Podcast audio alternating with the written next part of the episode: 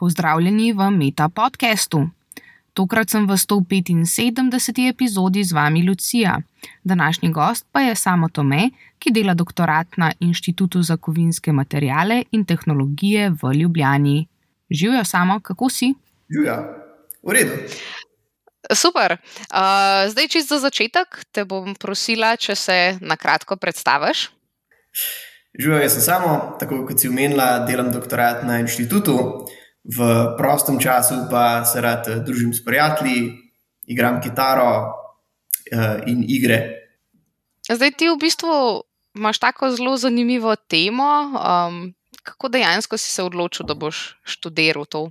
Do diplomskih študij sem zaključil inženirstvo materijalov uh, in na to še magisterij, ki se imenuje metalurgija na Naravoslovno-tehnički fakulteti.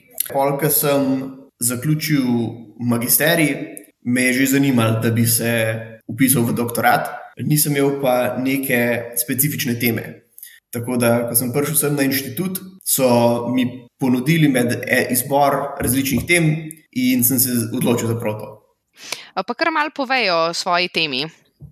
Ja, torej, moja tema zajema 3D tisk orodnega jekla za delo vročem, ki se imenuje H13. H je v bistvu zaradi tega, ker med rodnimi jekli so različne te dezignacije, zakaj njihov namen. In H je to v angleščini pomeni za hot work. Kaj pa ta številka ima tudi kakšen pomen zraven ali to je? Je tudi to je polna specifično, za katero zlitino gre, ki imaš tudi različne. So, naprimer, imaš tudi H11, ki je tudi zelo popularna zlitina. Zakaj točno pa prav ta številka, pa ne vem. To jeklo, kot samo pripoje za delo vročem, kar pomeni, da se ga uporablja za, kot orodje za kovanje, recimo, ali pa za kakšne vroče nože, tako podobne stvari. Se pravi, ima dosta visoke mehanske lastnosti, kateri morajo zadostovati, da lahko upravlja svoje delo. To jeklo je, tako kot sem omenil, za delo vročem, kar je, kar je zelo pomembno za industrijo. Iz tega jekla se ne dela samih izdelkov, ampak orodja, ki se potem z njimi kuje ali pa štanca dejanske izdelke. In je relativno nelagodno jeklo za tisk. Ljudje, ki imajo izkušnje z 3D tiskom plastike, je, je to v bistvu čist drug aspekt tisk jekla oziroma kovin, zaradi tega, ker ima povsem drugačno mikrostrukturo. Uh mhm. -huh. Je veliko prekrivanja, kot recimo, da pri tisku kovin je velik problem, recimo poroznost v materijalih. To lahko prihaja zaradi tega, ker je pre, recimo, previsoka vnešena energija ali pa preniska vnešena energija, lahko je zaradi samega kovinskega praha. Če je razporeditev delcev taka, da so veliki, veliki in majhni in z, uh, skupaj notri, to povzroči, da pri pretaljevanju pride lahko do poroznosti, zaradi tega, ker se bodo manjši delci pretalili, ta veliki pa ne povsem. Mhm. Se pravi, kako točno recimo poteka ta 3D tisk jekla? To zdaj poteka čist isto, kot poteka 3D printanje plastike ali mal drugače. Pač predvidevam, da so tudi full visoke temperature, pol ali kako. A, tako je. je. Je še kar podobno v bistvu, oziroma je odvisno od kakšne metode eh, tisk se uporablja. Najbolj razširjeni metodi sta DED, kjer je v bistvu direktna depozicija, kjer imaš nek uh, nozel, skozi katerega pihajo ven kovinski delci v gorišče laserja in ta nanaša. Se pravi, tako kot da bi iz paste ven stiskal na neko površino. Uh, ta metoda, ki imamo pa mi, je pa uh, selektivna preteljevalna metoda, kjer laser pretali površino, na katero je bil nanesen sloj kovinskega prahu. In ko ta mhm. laser pretali ta prah, se je delovna površina mečken spusti dol, in pol na našalec na to že natisnjeno nanese nov sloj, ki ga laser pol ponovno pretali. Tako pa sloj po sloju gradimo modele. Ja, model se še vedno gradi od dna do vrha. Zakaj točno recimo, se potem to uporablja? Nekaj si že omenil, ampak malo bolj konkretno mogoče. Kot sam izdelek ni smotrno uporabljati te metode, zaradi tega, ker je, je ta metoda v bistvu relativno draga za izdelavo in dolg traja, če, gremo, če bi gledali na industrijski ravni. Zaradi tega, ker tukaj traja ure, da se karkoli natisne, plus je še veliko energije porabljene za to, da se naredi, in še skozi zahteva, da je v inertni atmosferi argona, zaradi tega, da jeklo ne zoksidira med tem, ko se printa. Bolj, bolj smotrno je, da se naredi urodja za izdelavo drugih izdelkov, kot sem omenil prej, kovanje ali pa štancanje. Torej, če si pomislimo, kako bi eno, recimo, vilco naredili, bi bilo tako, da bi iz kovinske plošče uh, štancali ven, temu se reče zelence, ki imajo približno obliko vilce in so še zmeraj ravni. Potem bi pa na enem drugem stiskalnem stroju, oziroma kovalnem stroju, in bolj dodelali to obliko in odrezali stran odvečen material. No, in ta urodja delajo to, da ven izrežejo, da oblikujejo. Zaradi tega, ker tipičen način, da se taka urodja naredi, je tako, da se iz že obstoječih uh, kock, recimo jekla, ven tako rekoč izrezla ta obod tega izdelka, ki ga hočemo narediti. Aha, kako pa to izrezlaš? To delajo z različnimi napravami, z reskarji, z CNC in tako naprej. Glavno je pač, da, je, da se odjema stran material, da ti narediš ta obod, ki bi ga želel imeti, ne? se pravi, v našem primeru vilce. Uh mhm. -huh. Pri 3D metodi je pa tako, da ti v bistvu, ker je dodajalna metoda, ti že narediš s tem, kar tiskaš, že natisneš z tem. Utopom, kar pomeni, da. Se izogneš potem temu rezanju CNC-ju in temu. Tako je, veliko se prehrani na materialu, zaradi tega, ker ne rabiš ven iz tega vsega, kar rabiš. Uh -huh. Plus še ena, tudi velik bonus tega je, da uh, za kovanje v vročem, kot bi bilo recimo to urodje uporabljeno, je treba to urodje hladiti. In zdaj, da se to urodje hladi, tako po teh klasičnih metodah izdelave, je tako, da zvrtaš luknje, po katerih pol teče voda. In je nekoliko umejito, da ti lahko bolj ali manj samo ravne luknje vrtaš. Zaradi tega to pomeni, da pol ta hladilni kanali ne pridejo prav zelo blizu površine in imaš, velik, imaš nekoliko večje nihanje toplote med cikli kovanja. Zaradi tega, ker eh, ko se to kuje, je tako, da se to urodje pride dol, uh -huh. da naredi ta kovanec. In takrat je v stiku z vročo kovino, in se nekoliko se gre, pa pa, ko se dvigne, se na njega ponovadi še tipično našprica nek lubrikant, in takrat pol pade spet temperatura. Uh mhm. -huh. No, če pa ti natisneš to urodje, pa lahko ti te hladilne kanale narediš take, da sledijo temu utopu, da so bliže pod površino, kar pomeni, da bo tudi manjša amplituda teh toplotnih sprememb, kar podaljša življenjsko dobo teh urodij. Zdaj, veliko smo o temperaturi govorili, o kakšnih dejansko visokih temperaturah pa govorimo. To je pa odvisno za katere stvari se kujejo. Za kakšna jekla so lahko zelo visoka, nad 1000 stopinj Celzija, uh -huh. za, za druge stvari manjše, sicer. Ampak, eh, A je treba to jeklo, ki pač ga uporabljate vi, a je treba kaj posebej prilagoditi, da zdrži take temperature, ali je pač čist navadno jeklo?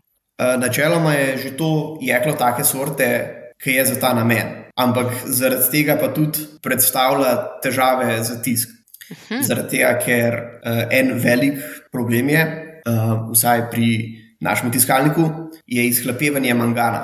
Zaradi tega, ker ko laser pretali ta kovinski prah, lahko pride do izhlapevanja nekaterih bolj hlapnih elementov, v našem primeru mangan, ki se potem naš, na zaščitno lečo napari gor in povzroča, da se ta leča dobi take mehurje, ker se tam začne segrevati, kar pa v bistvu uniči celoten proces printanja. Uh mhm. -huh. Zakaj pa potrebuješ to lečo?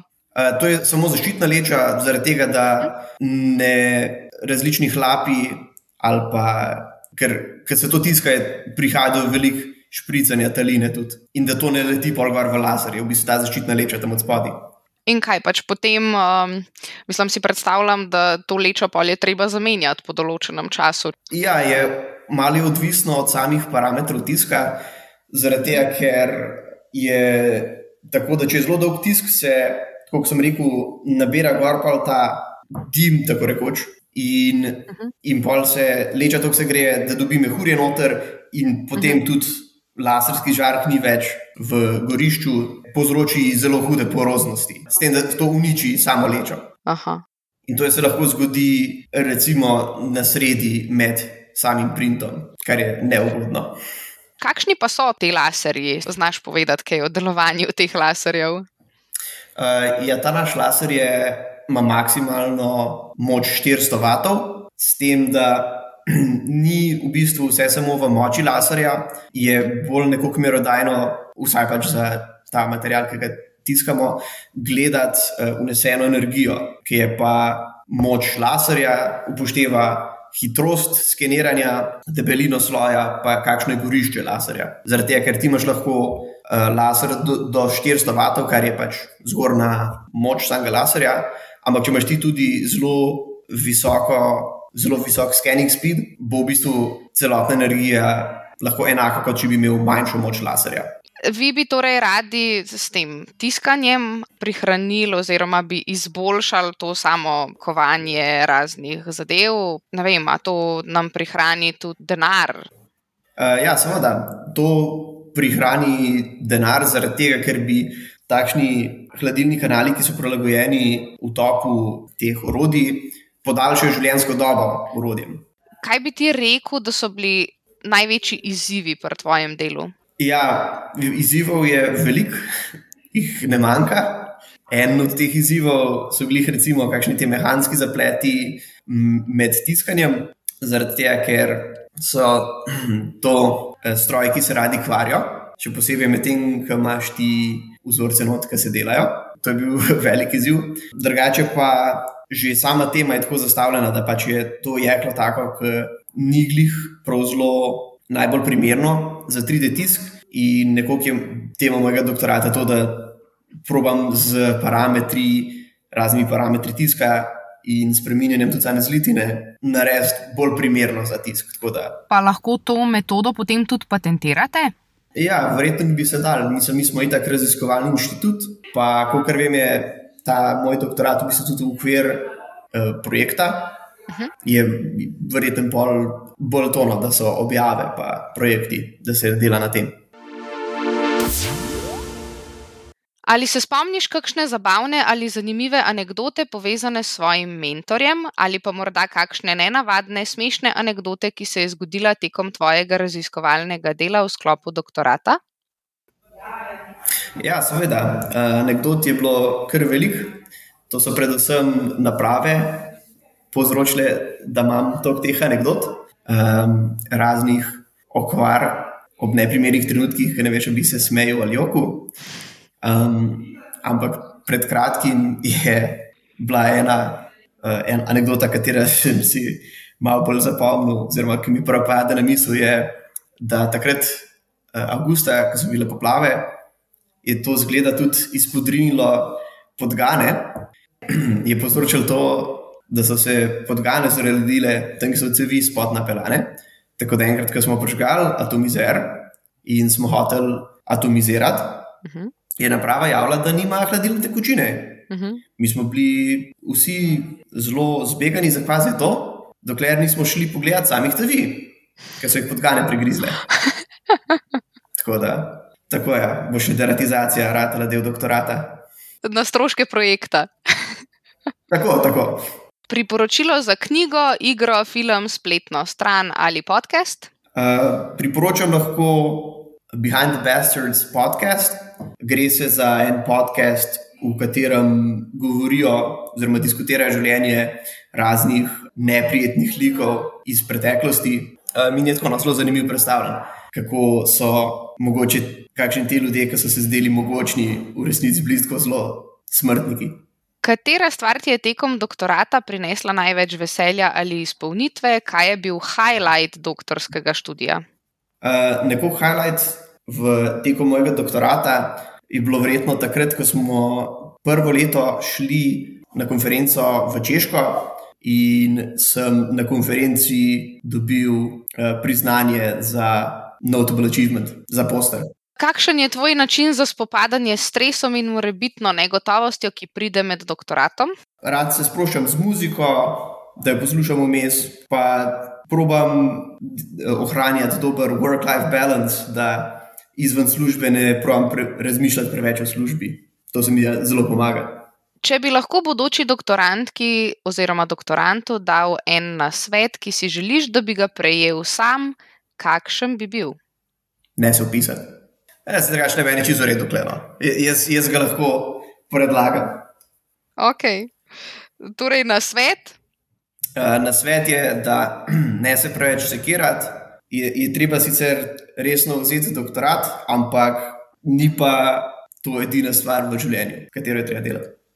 Hvala ti za ta zanimiv pogovor o jeklu danes. Ja, hvala za povabilo. In, uh, želim nam vsem jeklene živce ob uh, raznih izzivih pri doktoratih. Hvala, hvala.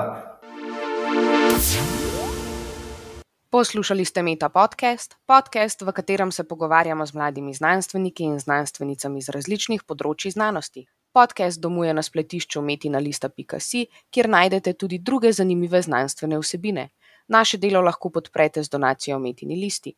Pohvale, pripombe in predloge lahko posredujete po e-mailu znanost.afnametina.si.